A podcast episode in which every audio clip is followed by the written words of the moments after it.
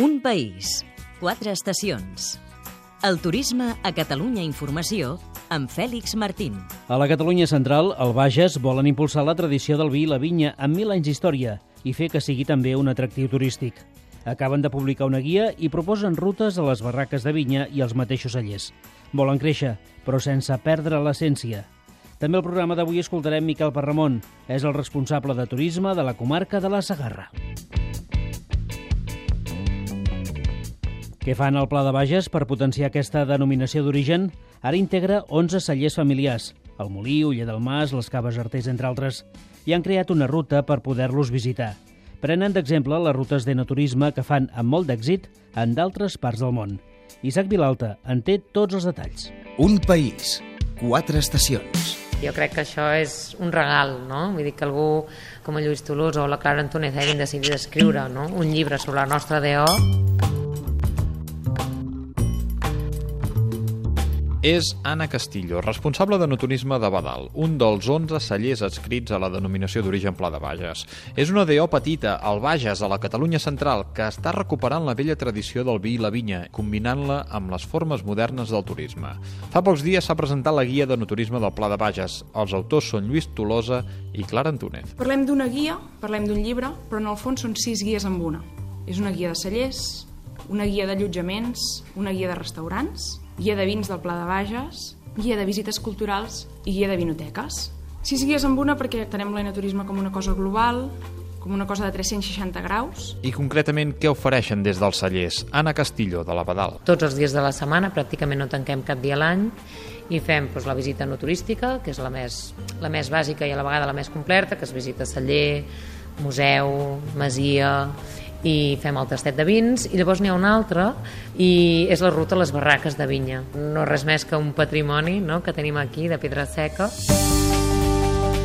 Els cellers del Bages són majoritàriament explotacions familiars i tots tenen vinya pròpia, però malgrat la seva història i tradició, en això de l'onoturisme el Pla de Bages és novell. Lluís Tolosa coneix bé d'altres zones vinícoles del món. Hi ha regions vinícoles del món que estan fent un negoci brutal amb l'enoturisme. Eh? Per exemple, el cas de Napa Valley, a una hora i mitja de San Francisco, reben 8 milions de turistes a l'any. La mitjana de despesa de cada turista és de 90 euros a cada celler. Però a més a més fan estades de mitjana de 5 dies. La gent s'hi instal·la una setmana a Napa Valley. Bé, a Napa Valley es comencen a muntar cellers a l'any 68. Tenen 40 anys d'història. El Bages té 1.000 anys d'història de, del vi. Tenim un patrimoni brutal i l'hem d'explotar. A la Badal ara mateix tenen unes 6.000 visites anuals. Anna Castillo dona la resposta de la DO Pla de Bages. Marca quin és el seu full de ruta. Seria un festina lente. Afanya't lentament. Comparar-ho no m'agrada del tot pel fet de que mm, allò és més industrial. M'atreviria a dir sense ànima, no? La diferència que quan tu visites un celler del Pla de Bages no marxes indiferent. Pots palpar la història. Que ens agradaria créixer? O i tant que sí, aquest és el nostre objectiu però molt a poc a poc i sobretot sense oblidar la qualitat. Més informació al web diopladebages.com El protagonista.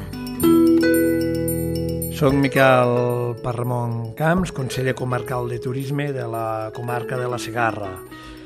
Doncs si veniu a la Segarra trobareu una terra encantadora, una comarca dels quatre colors amb les estacions molt marcades. Ara a la tardor tenim aquests marrons que es comença a preparar la terra pel sembrar, a l'hivern tenim aquest blanc de les gebrades i la neu, a la primavera tot el ventall de verds i a l'estiu tenim tot el ventall de grocs després del segar i el rostoll. També és una terra de pedra, també tindreu una terra on podreu visitar aquests castells medievals, aquestes ciutats com Cervera i Guissona amb el seu patrimoni cultural.